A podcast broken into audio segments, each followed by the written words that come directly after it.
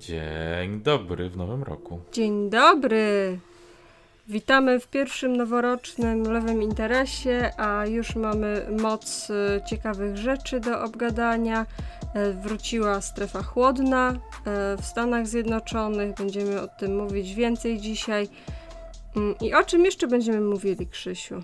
Dzisiaj chciałbym opowiedzieć trochę i liczę, że Amelia dorzucisz się trochę faktami e, o białym niewolnictwie. Sam temat naszedł mnie dlatego, że praktycznie za każdym razem, jeżeli jest jakaś, jakiś temat poruszony niewolnictwa, zwłaszcza niewolnictwa w Stanach Zjednoczonych, to pojawi się jakiś człowiek żądający, czemu nikt nie powie o niewolnictwie białych? I stwierdziłem, proszę bardzo, zrobimy to, czemu nie? Będziemy mieli teraz taką kartę wyjść z więzienia, że za każdym razem jak ktoś użyje tego argumentu, to można wrzucić mu link. I jak ktoś powie, że lewacy o tym nie mówią, to możecie nas zalinkować ogólnie. To jest największa zaleta tego odcinka. Jej! Jej, ale przy okazji myślę, że jest to naprawdę ciekawy temat. Amelia, czy chcesz jeszcze coś dodać na start? E, niewolnictwo nie jest dobre. Nie jestem fanką jego. Tak. Ja też nie jestem fanem niewolnictwa, więc Siski tutaj. Ale ogólnie to. Może zaczynajmy po prostu. Eee... A, jeszcze może dodam, że będę się skupiał ogólnie na właśnie zjawisku białego niewolnictwa, co to ogólnie oznacza. Eee, chodzi przede wszystkim o pojawianie się sytuacji, w których niewoleni byli ludzie z Europy lub pochodzący z Europy. Mhm. Myślę, że chcę dodać coś do tego, o, czym mówisz, że dzisiaj będziemy mówili o niewolnictwie, niewolnictwie, niekoniecznie o wszystkich formach poddaństwa. Czyli na przykład e, bę- będziemy wspominali o pewnych wątkach dotyczących pańszczyzny w Polsce, ale generalnie pańszczyzny będziemy jeszcze omawiali w różnych innych kontekstach. Więc e, dzisiaj będziemy mówili o zjawisku typowo sprzedawania ludzi I, i, i- i tego, jak to wyglądało i jak to nie wyglądało i różnych innych zjawiskach, które są z tym mylone. e, W dobrej wierze i w złej wierze. Tak. Czyli powiedzmy jest to tak naprawdę tylko wycinek tematu niewolnictwa i też mm, skupiam się raczej na historycznych aspektach, nie na obecnie dziejących się przypadkach i ogólnie y, występującym współcześnie niewolnictwem. Mówię raczej o, o, o historycznym kontekście. Myślę, że cały temat handlu ludźmi w kontekście dzisiejszych czasów to jest też zupełnie inna rzecz, którą w sumie też może kiedyś podejmiemy, jeżeli się poczujemy dostatecznie na siłach poruszyć ten temat. Zacznę od początku, więc e, chciałbym tutaj przejść do takiego najbardziej klasycznego e, hehe, e, przypadku, w którym to e, niewolnictwo występowało właśnie w Europie i było to niewolenie Europejczyków. I chodzi mi o starożytny Rzym. W starożytnym Rzymie E, szacuje się, że w e, Imperium Rzymskim, tak mniej więcej w okolicy I wieku przed naszą erą, pierwszego wieku naszej ery, 35-40% populacji imperium stanowili niewolnicy, przy czym w większości byli to niewolnicy lokalni, czyli no, tam, gdzie się znajdowało, zna- to, to gdzie prowincja się znajdowała, takiego, takiej narodowości byli niewolnicy. Oczywiście był pewien handel, jakby taki import-eksport niewolników, Pojawiali się czarni niewolnicy, pojawiali się niewolnicy np. z Grecji, pojawiali się niewolnicy w e, Rzymie stosunkowo często, ale znaczna większość niewolników rzymskich to byli ludzie z, z półwyspu otaczającego miasto Rzym, tak? Więc tak naprawdę jak, jak Rzymianie podbijali kolejne tereny, a to niewolili tak naprawdę ludność lokalną, która tak naprawdę etnicznie była spójna z nimi. To, byli, e, to był ten sam naród tak naprawdę, jeżeli chodzi o kwestie etniczne. A, I tak naprawdę nie było tam żadnego takiego podziału. Taki podział rasowy, który się wykształcił potem i podział religijny, który się wykształcił potem, a wtedy w ogóle nie obowiązywał w kwestii niewolnictwa. Niewolnictwo było po prostu takim, takim stanem, który mógł dopaść e, każdego, kto nie był bardzo bogaty. Tymczasem taki bliższy nam przykład to chciałem poruszyć. y, W IX wieku powstał szlak handlowy na Wołdze i on był obsługiwany przez e, Waregów. Waregowie to w ogóle byli tak naprawdę wikingowie, którzy kilkaset lat wcześniej osiedlili się na terenie współczesnej Rosji i Ukrainy i oni wyłapywali niewolników z krajów słowiańskich, na których był trochę taki przyzwolenie, żeby na nich, żeby łapać Słowian, dlatego że nie byli chrześcijanami, a więc żaden, nikt z krajów europejskich się szczególnie tym nie przejmował. Zaraz do tego jeszcze przejdę. I oni właśnie po Wołdze byli tak naprawdę eksportowani głównie do krajów arabskich, dlatego że to był najbliższy punkt skupu na nich. Ten proces zresztą nazywało się e, Sakaliba co jest dość wymowne, bo to było po prostu arabskie określenie na Słowian pierwotnie, które z czasem zostało przejęte na określenie konkretnie handlu słowiańskimi niewolnikami. A więc y, mieliśmy bardzo konkretną markę jako Słowianie tam. Byliśmy kojarzeni z jedną konkretną rzeczą. Ale co ciekawe, niewolników słowiańskich i bałkańskich kupowali także na przykład Frankowie. Hiszpanie również, chociaż tam głównie terytoria pod władzą muzułmańską, ale chrześcijańscy Frankowie kupowali sobie Słowian, bo w sumie czemu nie.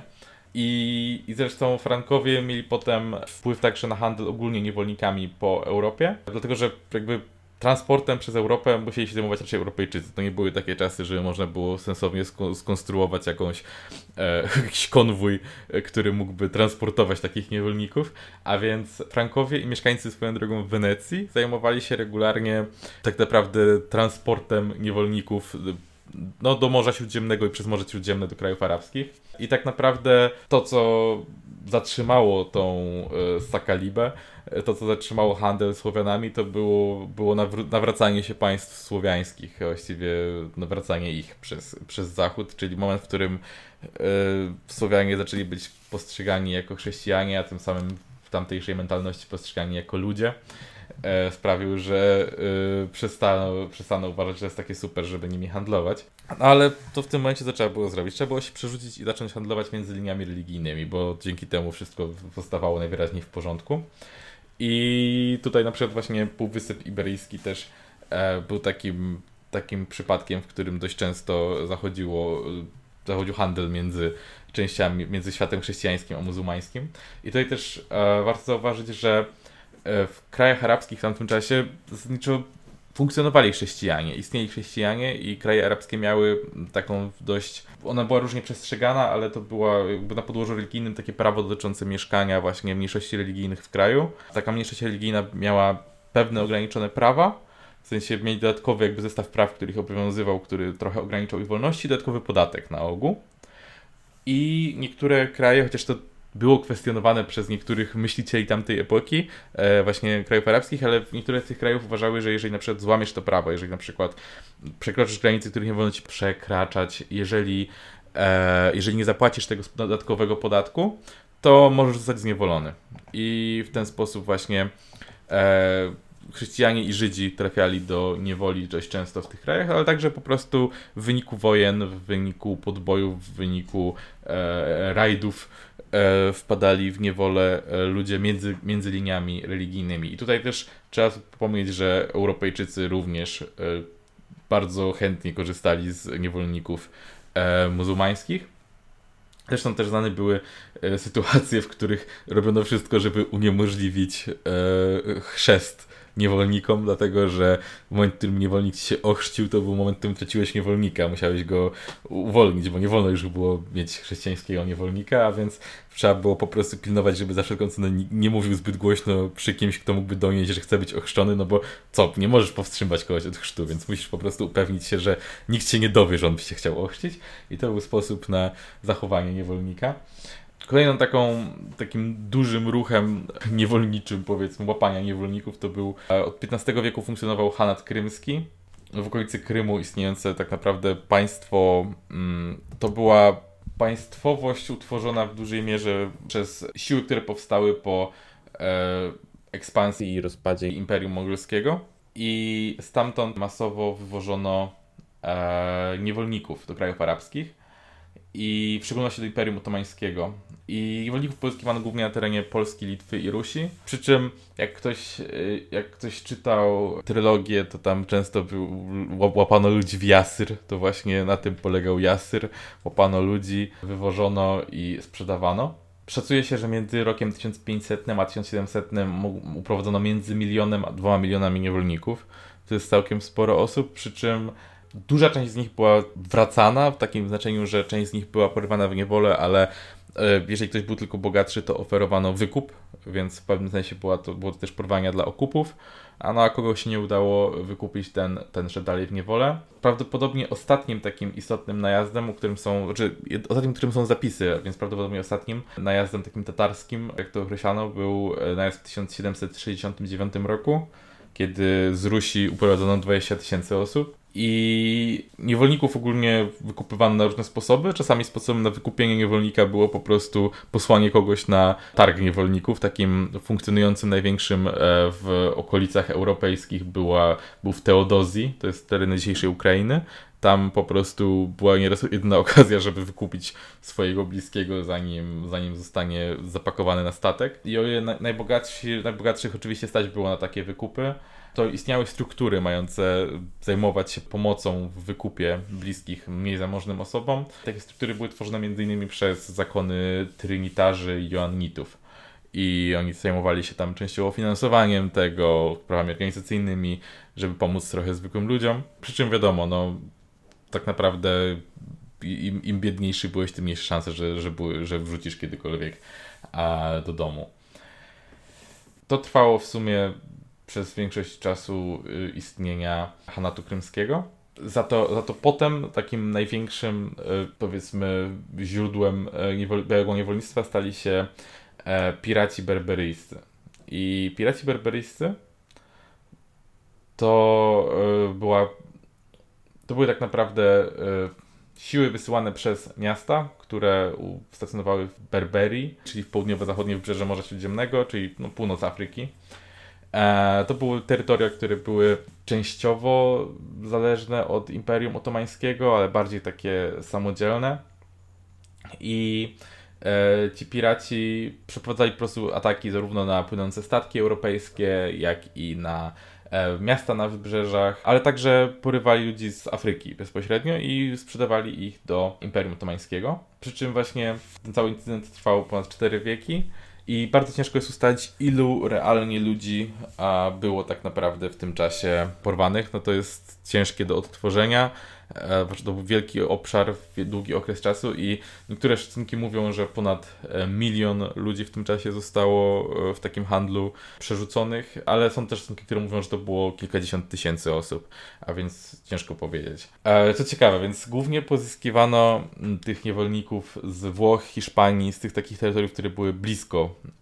To jednak znajdowały się przypadki takie jak na przykład wioska Baltimore w Irlandii, na południu Irlandii, która w 1631 e, roku została splądrowana właściwie do całkowitego wyludnienia. Wielu ludzi zostało wywiezionych a, przez piratów, duża część ludzi, która pozostała, po prostu opuściła to miejsce.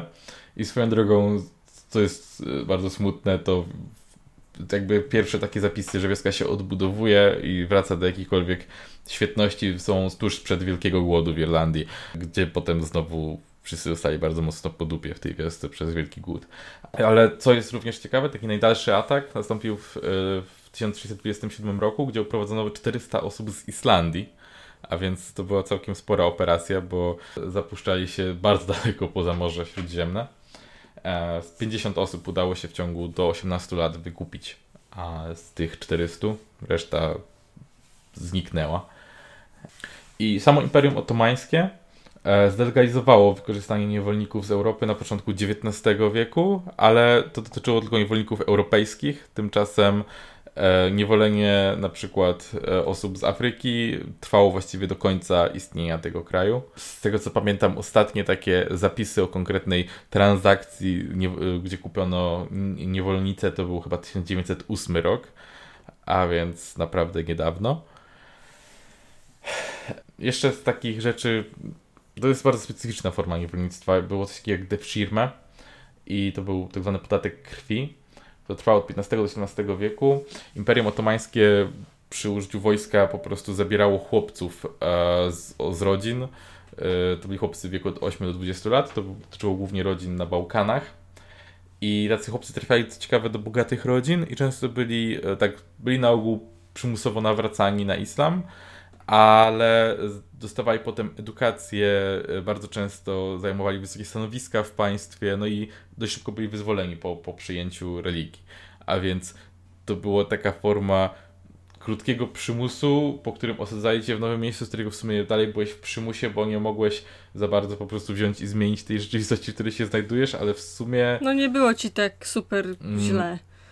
W, tym miejscu. I w ogóle w, tak, w, tym, w tym tak, momencie to... chciałabym ci przerwać, bo, bo to jest dla mnie ciekawy wątek. Jakby dla taki czysto demograficzny, jeśli chodzi o, o, o, tą, o, o zjawiska niewolnictwa, poddaństwa i tak dalej.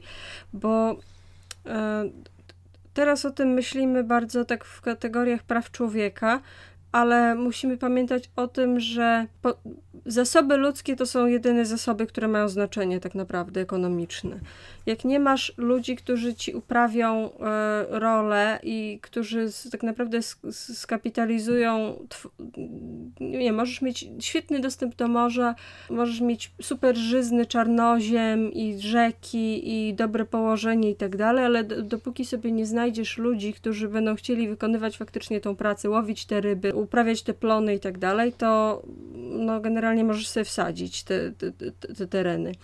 I e, to jest bardzo ciekawe. Zwłaszcza gdy masz gospodarkę, która się opiera głównie na kapitalizowaniu jakby obszaru, tak? Że masz ziemię, z której musisz wyciągnąć wartość bezpośrednio, tak jak w tych czasach głównie było, nie? Znaczy, każde, za, za każdym razem tak jest, bo musisz zdobyć sobie jedzonko I, i dobrze jest to jedzonko zdobyć nie, nie importując je, tylko robiąc je na miejscu i ktoś je musi rączkami zrobić. Coś, co widzimy wszędzie jakby to, to, jest coś, co też jest e, bardzo fajnie opisane w książce e, Adama Leszczyńskiego Ludowa Historia Polski. Ten proces przymusowego koncentrowania ludności po to, żeby ona razem mogła wytworzyć nadwyżkę, którą możesz sobie spijać. Dlatego zjawisko niewolnictwa i zjawiska poddaństwa są tak powszechne i tak spotykane wszędzie na świecie, że tak naprawdę musisz, żeby zrobić cywilizację, żeby zrobić coś, co nazywamy z naszej perspektywy europejskiej dzisiejszej cywilizacją, musisz ludzi wprowadzić w poddaństwo, musisz je ich na przykład celowo przesiedlić albo celowo kazać im się osiedlić w konkretnym miejscu i najlepiej w stolicy, najlepiej zaraz koło twojego pałacu, tam gdzie będą mogli uprawiać dla ciebie jedzonko. Inaczej nie zrobisz, inaczej będą po prostu swoimi indywidualnymi gospodarstwami rolnymi, co będzie dla nich oznaczało większą wolność, ale też będzie oznaczało, że nie mają nadwyżek i, i, i będą uprawiali tylko dla siebie, czyli na przykład nie będziesz w stanie zrobić e, spichlerza na wypadek głodu, na wypadek klęski żywiołowej i tak dalej. To nie ma tylko negatywnych stron, ma też e, pewne pozytywne strony, to, że, że, że, że, jakiś centralny ktoś ci każe się usiedlić gdzieś i dawać jakiś, jakiś kawałek twoich, e, twoich plonów na, na wspólne cele. To, to, jest, e, to, jest coś bardziej, powiedzmy, nie, nie, niejednoznacznego. I to, to jest dla mnie mówię o tym dlatego, że często myślimy, często się pojawia taki argument, o którym pewnie będzie jeszcze Krzyś dużo mówił dzisiaj, że bo e, przecież inne rasy, nie tylko biali, ale też inne rasy handlowały niewolnikami i nie, e, i nie tylko my mieliśmy pańszczyznę, i nie tylko my mieliśmy niewolnictwo, tylko wszyscy mieli.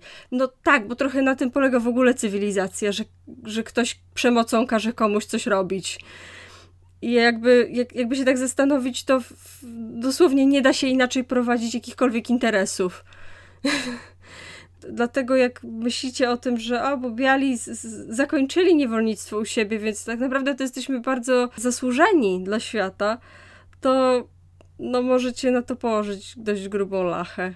E, i e, też chciałabym dodać a propos tego, co mówił Krzyś o, o, historii niewolnictwa na terenach, które są uważane za polskie, to oprócz tego, że mieliśmy już mało ludzi i wszyscy e, podróżnicy z zachodu, którzy przyjeżdżali do Polski, zauważali, że jejku, macie naprawdę dobrą ziemię do uprawiania, wcale nie macie złej ziemi i macie dobre położenie, jesteście na szlakach wszystkich y, handlowych, to czemu u was tak, czemu u was jest taka chujnia? Odpowiedź była taka, że nie było ludzi do uprawiania tych wszystkich rzeczy. E, na początku XIX wieku szacuje się 80 parę procent e, terenów, które mogłyby być rolne, było nieużytkami ponieważ po prostu nie było ludzi e, do, do uprawiania. To był bardzo niski przyrost demograficzny wśród e, chłopów pańszczyźnianych i nie było żadnej nie było żadnego powodu, żeby się osiedlać, bo byli kolonizatorzy z zachodu, kolonizatorzy e, niemieccy, ale oni musieli dostać naprawdę super warunki, żeby im się chciało do Polski przeprowadzać. Mm, których najczęściej nie mieli, więc po prostu populacja była tak niska w porównaniu z resztą Europy, nawet w porównaniu z Czechami, Morawami i tak że po prostu nie było, nie było komu robić na roli. E, a jeszcze oprócz tego, polscy, powiedzmy, ludzie u władzy, e, oprócz tego, że wcale nie dbali o to, żeby mieć kim pracować, bo uważali ludzi za, za, za y, takich, których, których można się pozbyć bez, bez żadnych konsekwencji, to jeszcze sami handlowali niewolnikami, bo to nie jest tak, że e, ci Tatarzy krymscy przyjechali do, do tutaj na nasze tereny i zaczęli, dobrze, to my handlujemy, a, a, a, a Polacy powiedzieli, no dobra, okej, okay, to wy się bawcie sami. Tylko mm, mamy na, na ziemiach polskich znaleziono na przykład dużo dirhemów samanickich, czyli e, tych arabskich monet i wiadomo, że na przykład e, Mieszko czerpał duże korzyści z handlu niewolnikami, o ile sam nie handlował. Mm, wiemy, że handel niewolnikami jest, e, był, był, był w miarę powszechny na, na przełomie XII-XIII wieku. Na przykład, o, to jest taki przykład, że mm, Piotr Włast miał niewolników, których kupił i podarował klasztorowi we Wrocławiu. I niewolnicy byli często używani jako po prostu taki komplementarna część poddaństwa, że gdzie brakowało poddanych, tam się sprzedawało niewolników. Mm, no i oczywiście ich eksportowano, tak jak już Krzyś mówił, było, był strumień wręcz e, Słowian, który płynął na targi w Hiszpanii, na te targi arabskie w Hiszpanii e, i na przykład handlowano tam konkubinami, był bardzo duży e, było bardzo duże centrum kastratów w ogóle. Tak, między innymi w e, Pradze było centrum, był punkt taki przeładunkowy, w którym po prostu masowo kastrowano mężczyzn z terenów polskich żeby przygotować eunuchów po prostu na sprzedaż. Tak, i byli albo eunuchowie, były konkubiny i bardzo dużo było e, słowiańskich wojowników, którzy mieli dobrą reputację i też byli zniewoleni. Więc e, no, oprócz tego, że mieliśmy pańszczyznę, w której Polacy e, chętnie uciemiężali Polaków, to jeszcze bardzo chętnie ich sprzedawali. Więc pozdrawiam moich kolegów Polaków. Wstydźcie się. I tutaj chciałbym przejść do czysto kapitalistycznej niewoli, którą wykształciła e, Anglia głównie i ogólnie Brytania. Więc ogólnie tak, Brytyjczycy po założeniu kolonii w Ameryce e, potrzebowali tam siły roboczej. Potrzebowali dużo siły roboczej, zwłaszcza, że nie mogli liczyć na lokalną siłę roboczą, którą sukcesywnie mordowano. E, I zaczęto wykorzystywać praktykę niewoli kontraktowej. E, jako, że już wtedy troszeczkę nie okej okay byłoby po prostu pójście do, na przykład do Irlandii, wrzucenie do worka e, 100 Irlandczyków i wrzucenie ich na statek, to wymyślili taki bardziej kapitalistyczny, bardziej współczesny sposób e, niewolenia. E, oferowano e, ludziom, na ogół ludziom biednym, ludziom w potrzebie, taką super sprawę, że idziesz do pracy, ale my cię przewozimy za darmo, na miejscu masz zakwaterowanie, a potem nawet może ziemię dostaniesz, ale przez parę lat pracujesz za darmo. No i są pewne ograniczenia. No i to wyglądało jak super sprawa, zwłaszcza dla kogoś, kto był, nie wiem, jednym z 11 dzieci i w rezultacie oni... Było to dość mocno reklamowane, bo to był taki o tyle fajna opcja, że jeżeli na miejscu nie czekało na ciebie za dużo, to mogłeś po prostu za darmo. Wsiąść na statek, za darmo oczywiście w cudzysłowie, wsiąść na statek, popłynąć i ktoś załatwiał ci robotę, tak? To było jak taka, takie pośrednictwo pracy. I jest nawet bardzo podobne do pośrednictwa pracy, jak na to popatrzymy, zwłaszcza na pośrednictwa zajmującego się zatrudnianiem ludzi z na przykład Ukrainy współcześnie w Polsce. E, bo idea jest taka, że ty się o nic nie musisz martwić, my wszystko zajmiemy, a potem tak, przewozili ich w bardzo złych warunkach, te warunki były e, beznadziejne, aczkolwiek i tak e, dużo lepsze niż te warunki, na które mogli liczyć e, niewolnicy przewożeni z Afryki. E, są, jakby widać ogromną różnicę w umieralności w tej podróży, aczkolwiek i tak ludzie umierali w tej podróży. Przecież przywilejem było to, że jak ktoś e, umarł, to podobno nie wyrzucano ich za burtę, tak jak na przykład e, czarnych, których po prostu wyrzucano, bo jednak musieli się z tego rozliczyć jakoś, jakoś konkretniej. A i tacy, e, tacy pracownicy kontraktowi, tacy niewolnicy kontraktowi byli przywożeni do kolonii i zaczynali tam pracę. No i dość szybko się okazywało, że na przykład mają ograniczone wolności takie jak poruszania się. Przy czym to nie było do końca tak, że nie wiem, nie byli skuwani łańcuchami na ogół, mieli powiedzmy mogli sobie pójść wieczorem, tak, nie wiem, do, do, do, do miasta i, i wypić piwo, ale to nie było tak, że to, też nie, to też nie była pełna wolność, bo jeżeli na przykład zostałeś, zostałeś złapany w innym e, rejonie administracyjnym, no to w tym momencie to już była próba ucieczki. A więc to też e, to była taka taka ograniczona wolność, nie totalna, totalne pozbawienie cię wolności, ale e, z czasem kontrakty zaczęły za, zacieśniać swoje postanowienia, coraz częściej nie wolno było opuszczać na przykład e, upraw, upraw. Co więcej, um, zaczęto karać za wiele rzeczy wydłużaniem kontraktu, więc pracujesz niedostatecznie ciężko, no to jest złamanie kontraktu, więc przedłużamy ci kontrakt o 5 lat. I, i tego typu rzeczy się zdarzały dość nagminnie. Um, I takie kontrakty po prostu zamieniały się w bardzo długą, ciężką, y, właściwie po prostu niewolniczą pracę. Po jakimś czasie te wieści o tym, jak to wygląda realnie, zaczęły docierać do Europy. No i w tym momencie e, trochę, trochę się ludzie zaczęli orientować, że no, to nie jest takie fajne, jak się obiecują, że, że, że wcale, że można mieć naprawdę przesrane i ludzie przestali po prostu się łapać na te kontrakty. No i no ale siła robocza była potrzebna. To zaczęły się robić masowe mechanizmy, polegające między innymi nawet czasami na wprost porywaniu po prostu ludzi z miast, pakowaniu ich na statek i powiedzeniu, oho, zakradłeś się na nasz statek, to jest przestępstwo, ale możemy cię przewieźć za darmo, jeżeli podpiszesz ten kontrakt. I tak samo e, robiono z dłużnikami. Aha, co chciałem jeszcze dodać o samym, samych e, cechach tych kontraktów, e, tej niewoli kontraktowej. Kiedy byłeś na miejscu, to jeden z takich aspektów, które były bardzo przeszkadzające e, takim niewolnikom, było to, że mimo, że niby nie byłeś do końca niewolnikiem, to jednak byłeś własnością tej osoby tak naprawdę. Twoja praca była jej własnością, twoje przebywanie w tym miejscu było własnością, więc na przykład mogłeś zostać sprzedany i mogłeś zostać sprzedany innemu e, posiadaczowi ziemskiemu i po prostu bez, bez, bez żadnej woli z twojej strony byłeś przenoszony w inne miejsce i nie miałeś pojęcia, czy to nie będzie praca w kopalni, nie miałeś pojęcia, co tam będziesz robić, więc to... E, jakby to, ten kontrakt w zasadzie też się zmieniał, więc na przykład mogłeś się zapisać na pracę na roli, być rolnikiem całe życie, uznać, ok, będę dalej pracował na roli, bo to lubię, Lądowa, lądujesz na miejscu, pracujesz tam rok, masz tam swoich znajomych, może nawet zakładasz jakąś rodzinę na miejscu, po czym ci mówią, aha, w ogóle to twój kontrakt został przeniesiony, idziesz do kopalni y, tysiąc kilometrów stąd, pożegnaj się ze wszystkimi ludźmi, których poznałeś. I to było bardzo krzywdzące, ale też sprawiało, że ludzie się czuli, to było też takie upokarzające w doświadczeniu tych ludzi bardzo często, bo na przykład można było być przegranym w karty, jak, jak po prostu, jak bydło, tak? Więc yy, te aspekty jeszcze bardziej uwydatniały, że to była bardziej niewola niż praca kontraktowa. Więc, więc, właśnie, więc z czasem w Europie zaczęto się orientować, e, zaczęto ludzi wywozić siłą, za podstępem, za różne długi ludzie byli wysyłani tam i ogólnie e, szacuje się, że z pół miliona Europejczyków, którzy przybyli do Ameryki do 1975 roku, a 55 tysięcy było przywiezionymi więźniami, bez, bez prawa w ogóle decyzji, a z pozostałych wolnych ludzi aż 48% przybyło na zasadzie tej kont niewoli kontraktowej.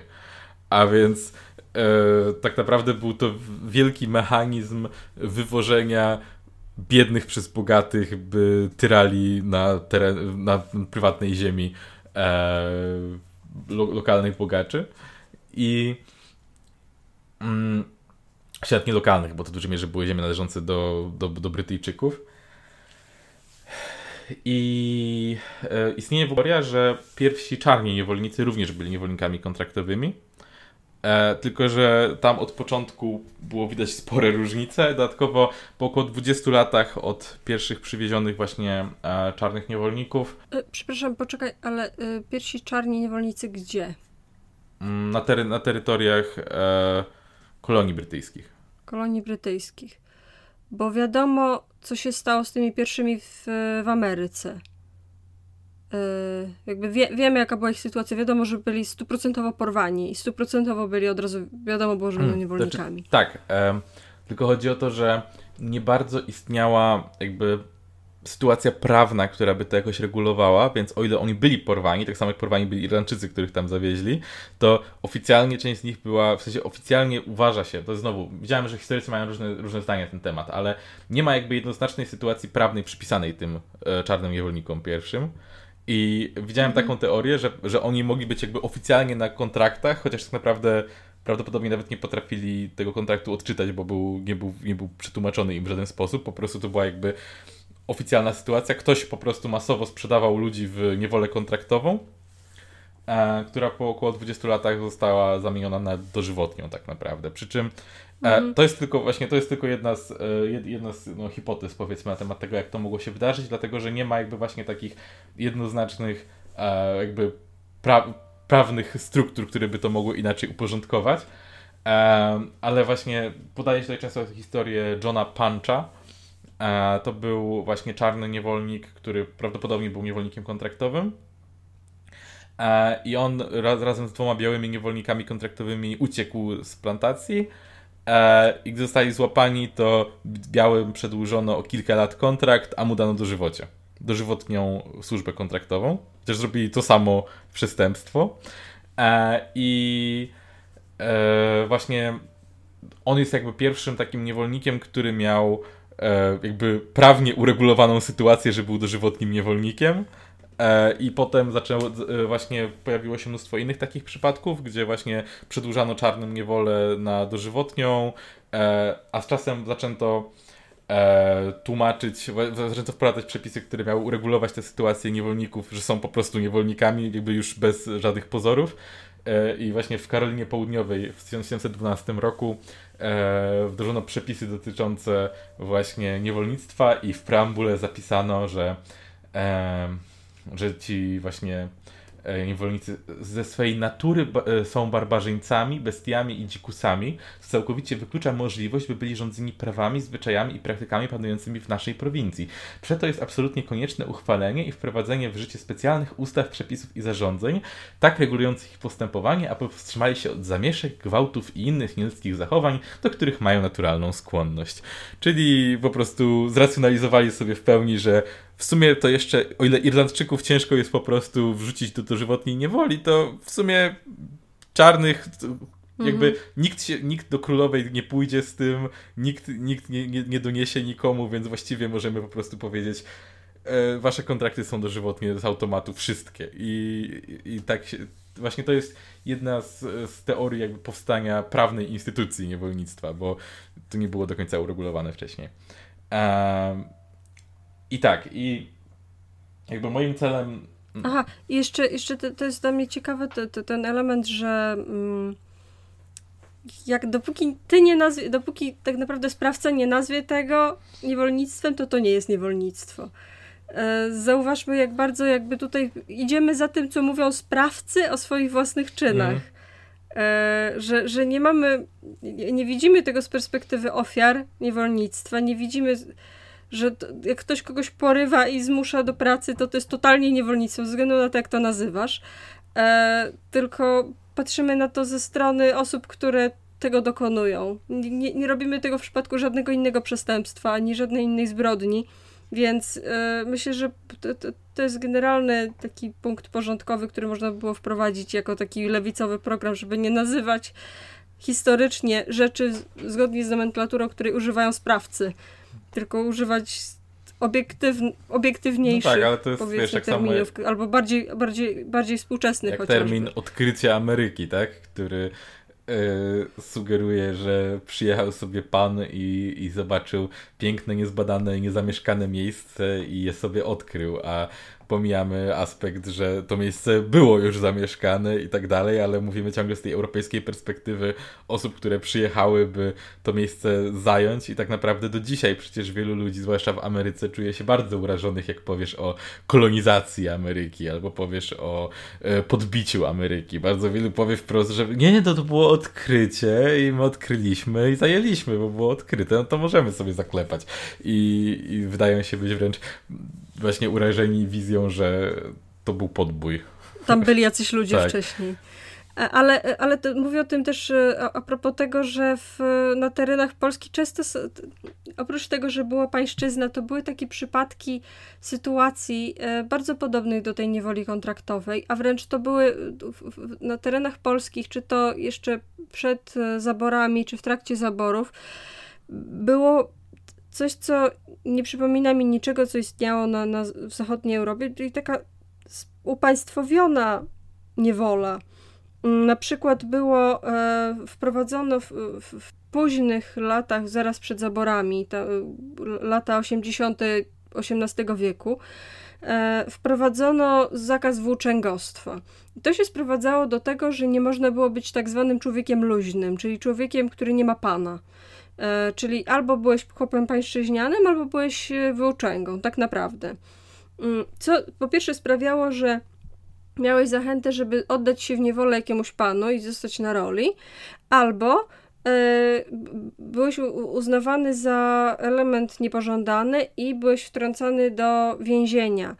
I typowy wyrok normalnie wyrok karny za, za, za byciem luźnym człowiekiem yy, i tutaj musiałeś na przykład y, zapewnić papiery od y, szefa, musiałeś chodzić po, po mieście z papierami od szefa, że jesteś zatrudniony na co najmniej rok.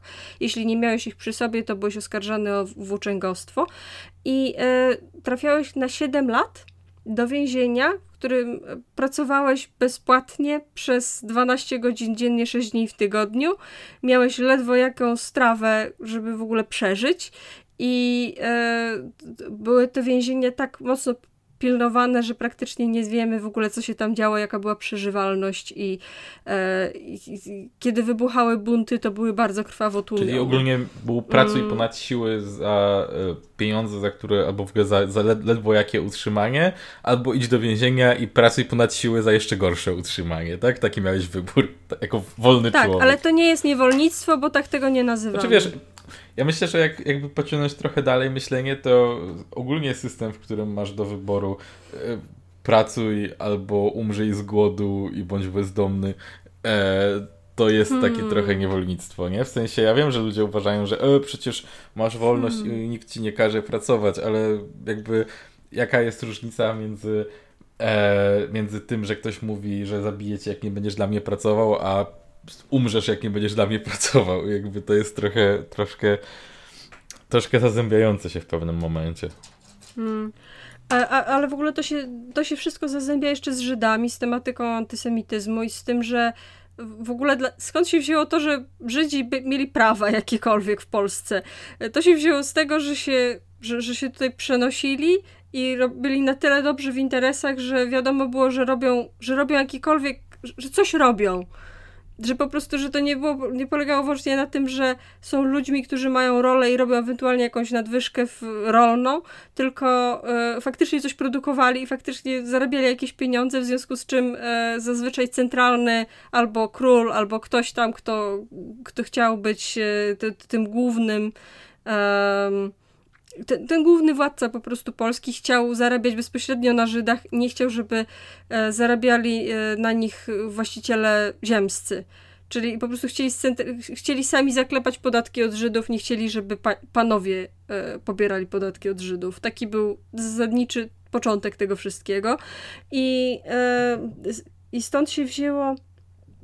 Mm, i, i, I stąd się wziął właśnie ten, ta sytuacja, że Żydzi byli tak zwanymi ludźmi wolnymi, e, że nie byli chłopami pańszczyźnianymi zazwyczaj, o ile się do, do niewoli nie oddali.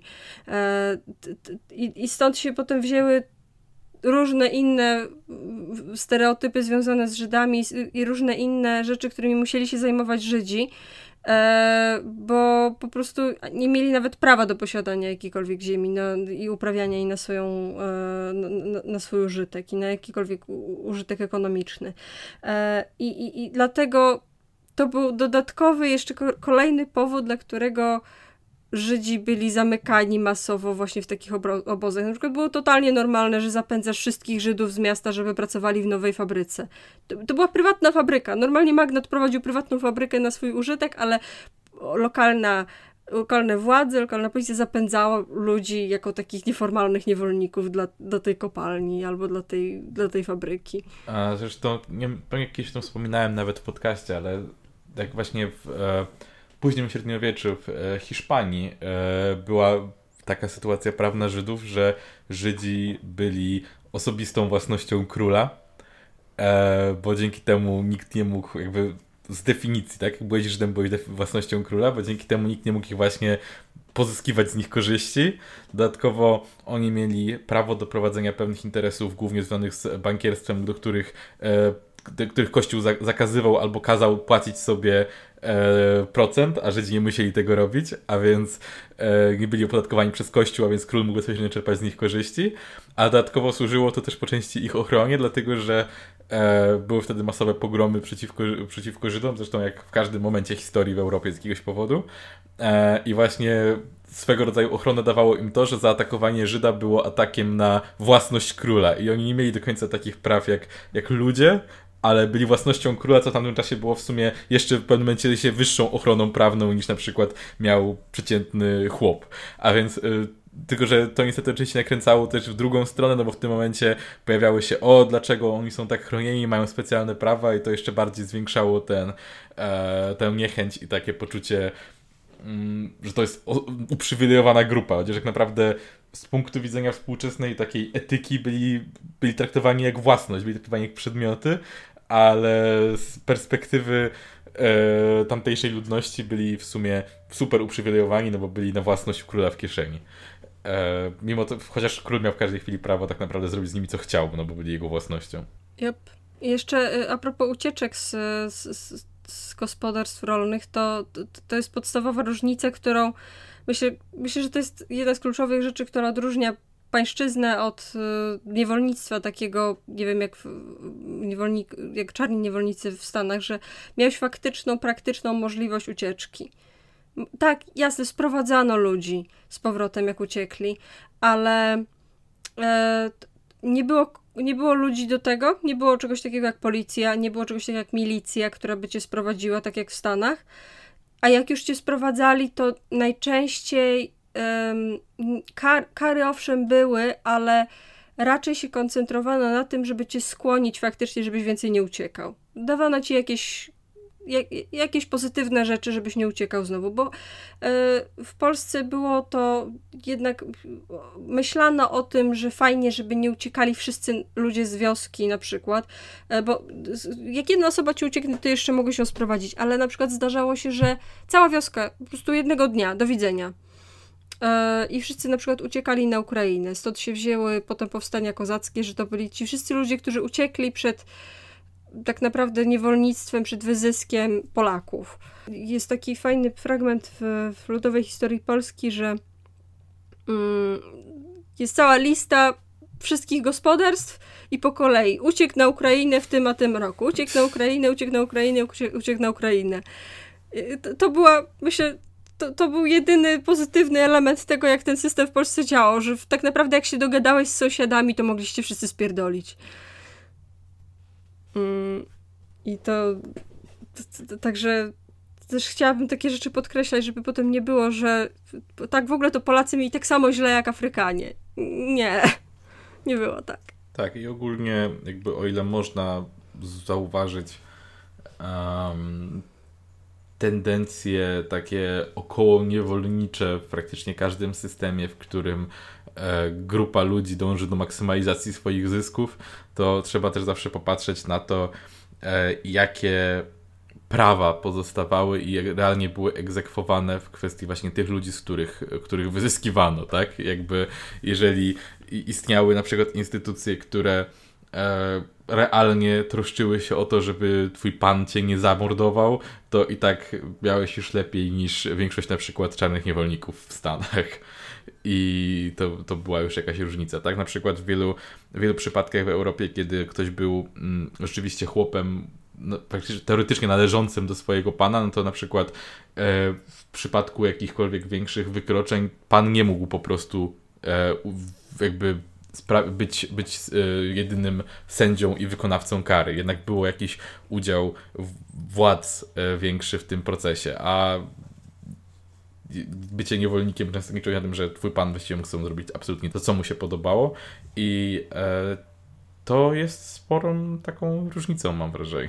Tak. I no, i, no widać to chociażby po przeżywalności w jednej i drugiej sytuacji. To, to, to oczywiście nie, ciężko to porównywać, bo e, trochę sytuacja e, sytuacja z, z, z, tymi, z niewolnikami z Afryki była taka, że zawsze przy, przez większość czasu e, operowano na takim przeświadczeniu, że a zawsze się dokupi.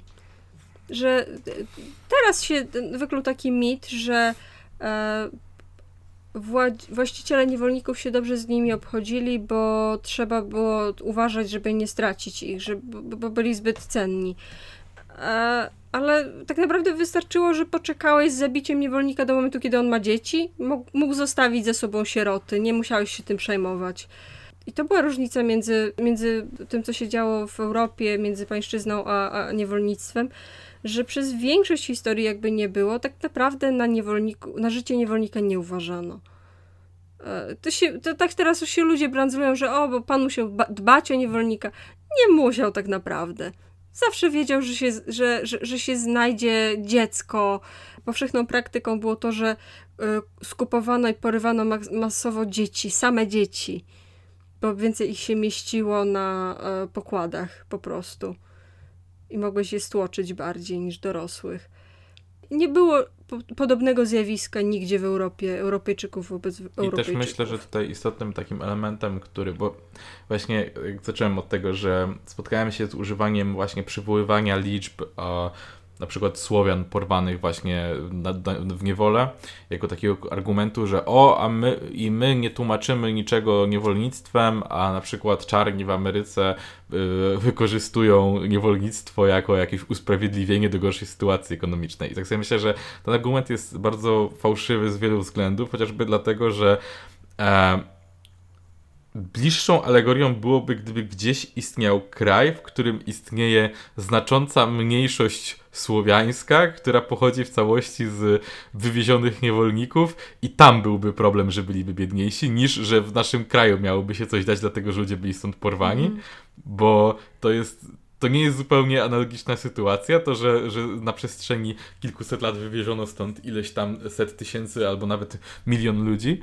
E, raz kwestia jakby tego, że jesteśmy krajem źródłowym, e, a nie, a nie tą mniejszością, która została wynarodowiona i wrzucona w jedno miejsce. E, i, I to jest takie, moim zdaniem, najistotniejsze w tej sytuacji, tak? Jakby nie jesteśmy narodem stworzonym z, e, z tych ludzi, którzy zostali wywiezieni, wyrwani ze swojego otoczenia i tłamszeni.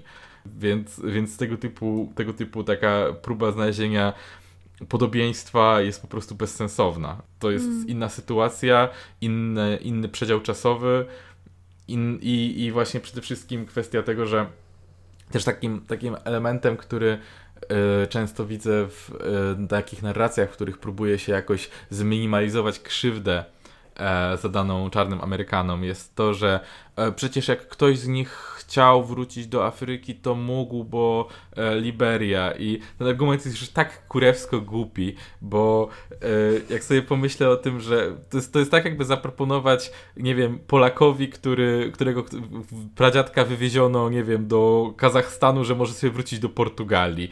E, w sensie, to on już sam nie ma nic wspólnego z krajem, z którego nawet pochodzi, bo został zupełnie wynarodowiony. Przy okazji jeszcze specjalnie starano się, żeby nie mieli tak naprawdę własnej kultury, żeby nie, nie przekazywali przekazywali sobie za dużo podań, żeby nie znali języka i on nie ma wspólnego z krajem, z którego, którego jego przodkowie zostali porwani za dużo, a dodatkowo proponuje mu się powrót do zupełnie innego miejsca. To nie jest powrót, jeżeli utworzono jakiś kraj w jednym miejscu i on ma tyle, może mieć tyle wspólnego z twoim krajem, z którego pochodzisz, co to, że jest na tym samym kontynencie. No super, ciocia na pewno czeka z obiadem na ciebie tam, nie? W sensie, je, je, jeżeli mm. zostałeś porwany z, po prostu z Afryki i możesz wrócić po prostu do Afryki, w sensie inaczej, twój, twój praprapradziadek został porwany po prostu z Afryki i ty możesz po prostu wrócić do Afryki, to nie jest powrót dla ciebie. Nawet nie byłby powrót dla twojego mm. praprapradziadka, bo to nie jest jego kraj. To tak, i jeszcze ciekawa rzecz, którą się widzi, jak się, jak się czyta historię chłopów polskich, którzy się przeprowadzili do Stanów Zjednoczonych i do Brazylii. Bo w XIX wieku była, były wielkie fale, y, bodajże 10% w ogóle ludności chłopskiej się przeprowadziło albo do Stanów, albo do Brazylii. I widać, widać po pierwsze skąd Polacy są tak zafascynowani Ameryką, a z drugiej strony widać potęgę białej supremacji w, w, tych procesach. Że mogłeś, że dopóki miałeś białą skórę, to Ameryka była dla ciebie krajem szansy.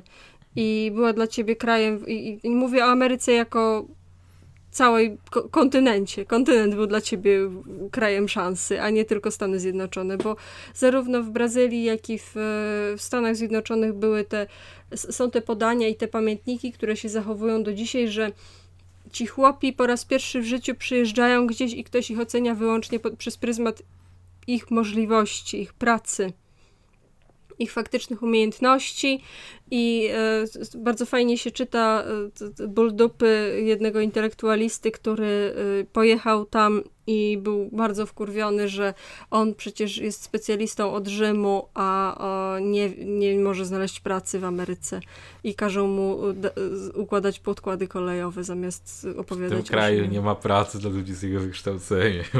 Naucz się programować! Powinien wziąć kredyt, pójść na bootcamp z Pythona i problem rozwiązany. E, tak, i, i to, to, to, jakby jest uderzające, że dopóki byłeś, e, tak, teraz można się brązować, że tak, że Polacy byli dyskryminowani w Stanach, fajnie, ale to jednak było o wiele e, miękciejsza dyskryminacja niż cokolwiek, nawet na północy, nawet po, po wojnie secesyjnej, czego doświadczali czarni. Jak byłeś Polakiem, mogłeś siedzieć na tej samej ławce, co biali. Mm. mm. Nie, nie, było, nie, nie było niczego porównywalnego z tym, co, co, co nazywamy e, apartheidem albo, albo czymś takim. Dobra, przechodzimy do najlepszego punktu dzisiejszego, czyli do y, strefy kapitolowej. Ale było fajnie, kapitulacja kapitolu. No, to było... Ale zajebiście, ale było fajnie. A najbardziej mi się podobało, jak e, pani, która miała koszulkę z flagą Gadsdena, tą, tą taką żółtą z wężem, że nie depcz po mnie i została zdeptana. Pani, nie koszulka. W, w, ogólnie to, co tam się odjebało, jakby bardzo, bardzo mi się podoba to, że prawie wszyscy uczestnicy tego, tego rajdu to są ludzie, którzy mówili, jak to, jak to Black Lives Matter próbują y, zniszczyć Amerykę i zrobią bunt i zniszczą nam, nam zaatakują i w ogóle zrobią terroryzm, a tymczasem e, jak sobie prześledzimy to wydarzenie, to to był po prostu taki skrajnie prawicowa, niedojebana próba e, zrobienia powstania, I w ogóle bardzo mi się podoba to, że w wyniku tak wielkiej sprawy to, co próbowali realnie e, odrzucić, zostało przesunięte chyba o 7 godzin, czy coś takiego, a więc jakby musieli realnie e, ruszyć na Kapitol i spróbować osobiście zaatakować władzę po to, by uzyskać kilka godzin dłużej do momentu, w którym Trump zostaje oficjalnie jakby zastąpiony. No, ale w każdym razie, może od początku, jak, coś do tego do, jak do tego doszło, co się zadziało. Więc zaczęło się od tego, że Trump zorganizował sobie e, spotkanie, w którym miał być oficjalnie przyjęty wynik wyborów. To był e, rano niedaleko Białego Domu. E, Trump zrobił wiec, podczas którego nawołał do zrobienia marszu Ratujmy Amerykę. I był to ten sam dzień, w którym właśnie Zgromadzenie Narodowe miało orzec o tym, że wybory mają wynik jaki mają i że Trump przegrał. I, i E, sam, sam Trump wyszedł przed wielu ludzi i powiedział oczywiście, że wybory były sfałszowane yy, i że trzeba, trzeba pójść i, i coś z tym zrobić. Trzeba walczyć o wasz kraj i macie pójść i zrobić to. I e, użyto też e, określenia, to akurat nie on, tylko Rudy Giuliani, e, jego doradca powiedział, że chcą E, mieć trial by combat, czyli jakby próbę mm. walki. E, I no i powiedział wprost idźcie na Kapitol, właściwie to powiedział, powiedział, żeby tam poszli i walczyli o, o wolny kraj i nie dali zabrać wyborów, no i ola Boga, wstali i poszli. I ludzie, się, ludzie się hmm. zerwali i poszli na Kapitol. I co się stało? Wbili na Kapitol. A w ogóle Ochroną Kapitolu zajmuje się specjalny, specjalna jakby grupa policji, specjalny, y, specjalny rodzaj służby mundurowej. który ma w ogóle absurdalnie wysoką, e, wysoki budżet per osobę na szkolenie, ma dostęp do sprzętu bardzo dobrego i właściwie nic nie zrobili. Robili sobie selfiaki z, z ludźmi, którzy tam wbijali, rozstawili parę barierek wysokich na metr, przez które ludzie skakali sobie po prostu. A jest też, jest też, są też takie filmy, na których widać, że w niektórych miejscach po prostu nie było tych barierek i ludzie jakby mogli, mogli autentycznie nie wiedzieć, że mają nie wchodzić, bo tych barierek tam nie było. I, no i po prostu ludzie wbili do Kapitolu, e, zaczęła się e, właściwie regularna walka, trzeba było ewakuować e, izby, żeby e, nikomu nie stała się krzywda, wiele przedmiotów... Tak, a nawet w pewnym momencie w ogóle fajny był, fajny był moment, jak kazali e, parlamentarzystom wyciągnąć maski e, przeciwgazowe spod siedzeń i się okazało, że mają maski przeciwgazowe pod siedzeniami. O. I to jeszcze takie fanki, klawe, e, maski, które nie tylko są, że są jakby zakładane na całą głowę, i wyglądają jak skafandry kosmiczne i y, polega to na tym, że masz pod ciśnieniem po prostu jakby wypychać ci tą, tą truciznę od, od twojej głowy. Mm. Więc, e, więc wyglądały bardzo śmiesznie. Wyglądali jak takie skafandry, ale tylko powyżej szyi. Mm. I, i, I też jedna rzecz, którą powie, zrobił jeszcze Trump w momencie, w, w którym tam nawoływał, jeszcze jakby dosłownie dał sygnał, żeby atakować Mike'a Pence'a, bo napisał jeszcze na Twitterze, że Mike Pence nie miał odwagi zrobić tego, co powinien był zrobić, czyli nie miał odwagi zawetować tych wyników wyborów, mimo że w ogóle nie miał takiej możliwości konstytucyjnej, żeby to co, cokolwiek tam wetować. On to był tam tylko wyłącznie w ceremonialnych celach. Tak, bo on chyba musi ogłosić to, nie? Ostatecznie jako wiceprezydent to przekazanie władzy, ale to nie jest tak, że może tego, znaczy fizycznie może tego nie zrobić, ale prawnie nie ma sposobu, by tego nie zrobić. No tak. I Byłby, tak. Wywaliliby go z sali, jakby nie a, a więc swojego własnego ziomka jeszcze rzucił na pożarcie tak naprawdę. E, Trump. No i w każdym razie w trakcie, gdy to się działo, e, Trump wydał kolejne oświadczenie na Twitterze, na którym powiedział, że mm, to są wspaniali ludzie i patrioci, którzy to teraz robią, ale musimy się uspokoić i ma być spokój ale te wybory zostały oszukane i my je wygramy. I to był landslide w ogóle. On tak podkreślał, że oni, oni, oni wygrali te wybory bez żadnego problemu. Yy, i, I ogólnie to wspaniali patrioci atakują teraz Kapitol, ale powinni przestać i być spokojni, ale ogólnie to było oszustwo i trzeba walczyć. I to oświadczenie było niesamowite dla mnie, bo to było dla mnie tak, że on on najpierw stał po jednej stronie muru, czyli po stronie y, przejmijmy władzę siłą. Jak, zaczęli, jak zobaczył, jak to wygląda, to wskoczył na, na ten mur i usiadł krakiem i zaczął gadać dwie rzeczy naraz, bo mówił jednocześnie bądźmy spokojni oraz walczmy. E, a jak się zaczął orientować chyba, że to donikąd nie doprowadzi, to nagle spadł po tej drugiej stronie i powiedział nie możemy tak robić. O, ta, w, i, i, w tym ostatnim oświadczeniu, bardzo mi się spodobało, przestał mówić o oszustwach. Była pierwsza jego wypowiedź od, od, od momentu wyborów, a właściwie od paru miesięcy jeszcze wcześniej, w której nie powiedział, że wybory zostały sfałszowane. Powiedział, że trzeba to zaakceptować. A potem jego Twitter przestał istnieć. I i to jest w ogóle największy, myślę, cios, jakiego on doświadczył. Ja nie wiem, jak on teraz będzie mógł się porozumiewać z kimkolwiek. Przecież on porozumiewał się z służbami, z y, burmistrzami miast, z własną rodziną, tylko przez Twittera. I teraz usunęli jego Twittera i straci dostęp do Potusa, a więc nie będzie miał właściwie żadnej drogi, żadnego okienka na świat, biedaczyna. I w każdym razie w wyniku E, będzie musiał założyć troll konto. Tak. A będzie miał 15 trollkont, będzie miał Donald Trump 1, Donald Trump 2, Donald Trump 3. Donald Trump i tego typu rzeczy. E, I ogólnie, e, więc tak, w wyniku bezpośredniego działania Trumpa zginęło teraz e, 5 osób. Jed, jeden właśnie z tych policji kapitolowej, e, oficer, który został zresztą zatłuczony gaśnicą, a tymczasem wśród, wśród atakujących jedna osoba została zastrzelona, e, jeden został porażony prądem i umarł na atak serca w wyniku tego. Ale porażony prądem, sam się poraził prądem. Sam się poraził swoim własnym paralizatorem.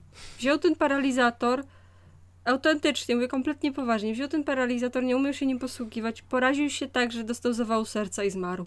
Ale to swoją drogą też musiał mieć jakiś kurewsko mocny paralizator albo wadę serca w sumie, ale no, mógł mieć, bo to był chyba jakiś mocno starszy człowiek. Mm, no, więc y, tam jedna osoba została stratowana, właśnie został udaru, ogólnie totalny rozpierdol. E, wszystko zupełnie po nic tak naprawdę, bo wszystko co uzyskali to przesunęli głosowanie o kilka godzin, nawet nie na następny dzień. Tego samego dnia wieczorem to głosowanie i tak się odbyło. I yy, chyba ponad 50 tych policjantów zostało rannych, ale głównie lekko.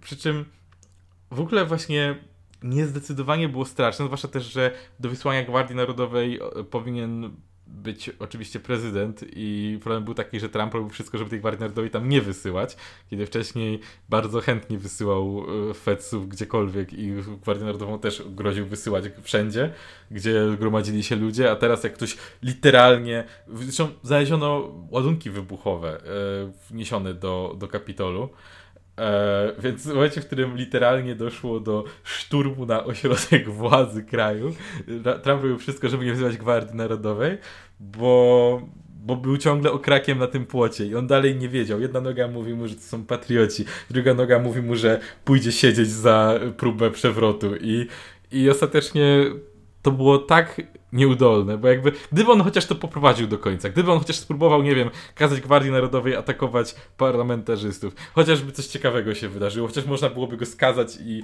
może by go nawet, nie wiem, powiesili czy coś, a teraz, teraz nic, nic się nie stało tak naprawdę. I najgorsze w tym wszystkim jest to, że jestem prawie pewien, że Trumpowi nic się nie stanie, że on nie będzie miał odpowiedzialności prawnej za to, że zapomną mu to wszystko i podejrzewam, że jeżeli Trump pójdzie realnie siedzieć, to za te długi, które ma, które teraz będzie może w końcu egzekwować, jak przestanie być prezydentem. Nie, nie, żadne, nic, za nic, absolutnie nic mu się nie wydarzy. Myślę, że ten Biden, że Biden go ułaskawi, jeśli w ogóle będzie mu cokolwiek groziło.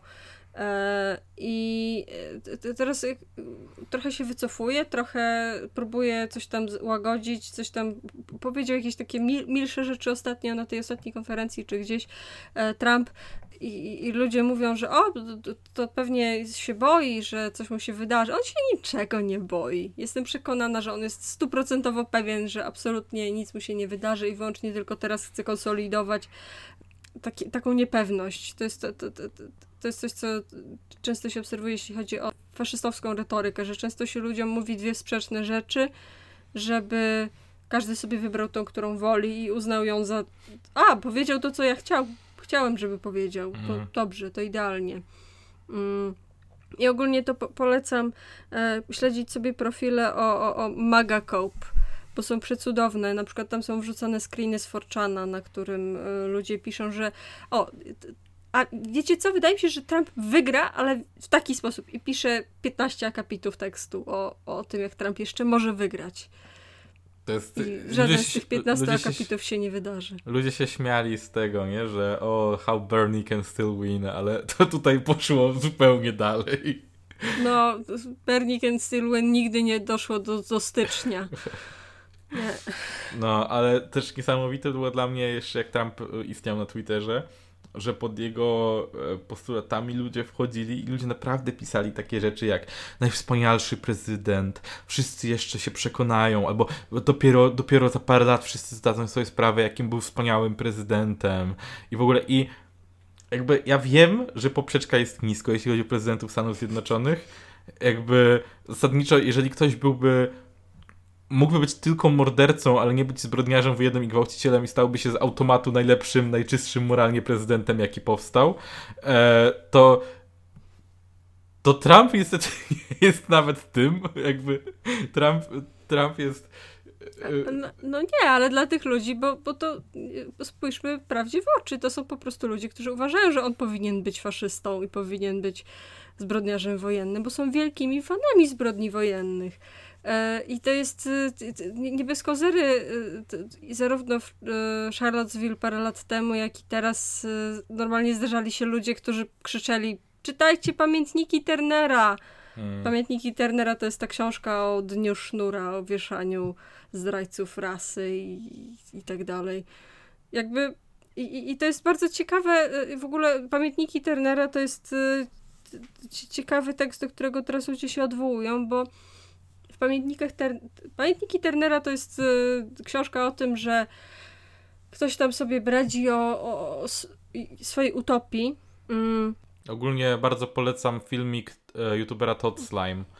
Tak. właśnie o tym bardzo fajnie podsumowuje to w miarę w przystępnej formie, bo nie warto czytać Genera tego gówna. Nie warto czytać tego gówna, ale y, generalnie fabuła jest taka, że y, nasi dobrzy białych, biali chłopcy obalili rząd i zrobili to tak. I jest to opowieść o tym, jak to zrobili. I jednym z takich ważnych punktów w fabule jest atak na Kapitol, który jest zrobiony nawet nie po to, żeby faktycznie obalić rząd, tylko żeby pokazać, że można zaatakować Kapitol. Zresztą bardzo dużo tak naprawdę m, mm, takich QAnonowych e, przepowiedni jest bardzo spójnych z tym, co jest e, właśnie w pamiętnikach Turnera.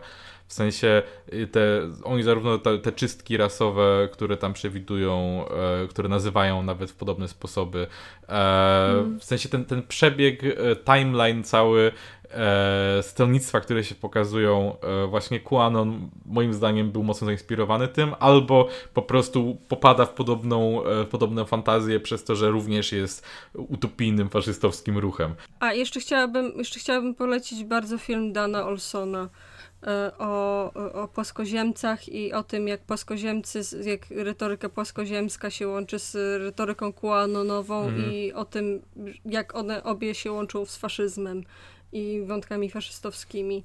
E, zalinkujemy oba e, pod naszym. E, więc e, no, to, to, myślę, że to wszystko, co się teraz dzieje, ma o wiele więcej sensu, kiedy się przyjmie do wiadomości, że ci ludzie są po prostu faszystami. I nie, nie są żadnymi, oj, oj, bied, biedaczki, z, zmylili ich, y, okłamali, i Facebook i Trump ich okłamali. Nie. Jakby nie byli takimi faszystami jak są, to ich faszyzm obracałby się wokół czegoś innego, ale nadal byliby faszystami. E, mhm. bo, bo to się łączy z o wiele bardziej e, podstawowym poczuciem, że po pierwsze Ameryka, po drugie biała rasa, po trzecie kapitalizm i najlepiej te wszystkie rzeczy naraz. E, I tak, to, to nie jest to nie jest dobre. Myślę, że no, tak sobie myślę, nie? Że pierwszy nieudany zamach stanu był w którym roku? W 23 roku, a potem no 10 lat później już był udany. Eee, 100 lat temu. Co nie? Więc no moim zdaniem mamy z 10 lat jeszcze względnie historii wolnej od wojen światowych. Tak mówię, mówię to tak półpoważnie, ale też poważnie. Nie, nie, nie zanosi się na nic dobrego, generalnie. I tym optymistycznym akcentem kończymy dzisiejszy odcinek. Dziękujemy Państwu. Dziękujemy. Za, za słuchanko. E, I e, mamy nadzieję, że Wasze święta i e, nowy rok został spędzony miło. E, i w samotni, w odpowiedniej epidemiologicznie samotni. A jeszcze nie, jak nie słuchaliście odcinków indyjskich, to posłuchajcie, bo są fajne. Mhm. O. To dziękujemy. To pa, pa! pa.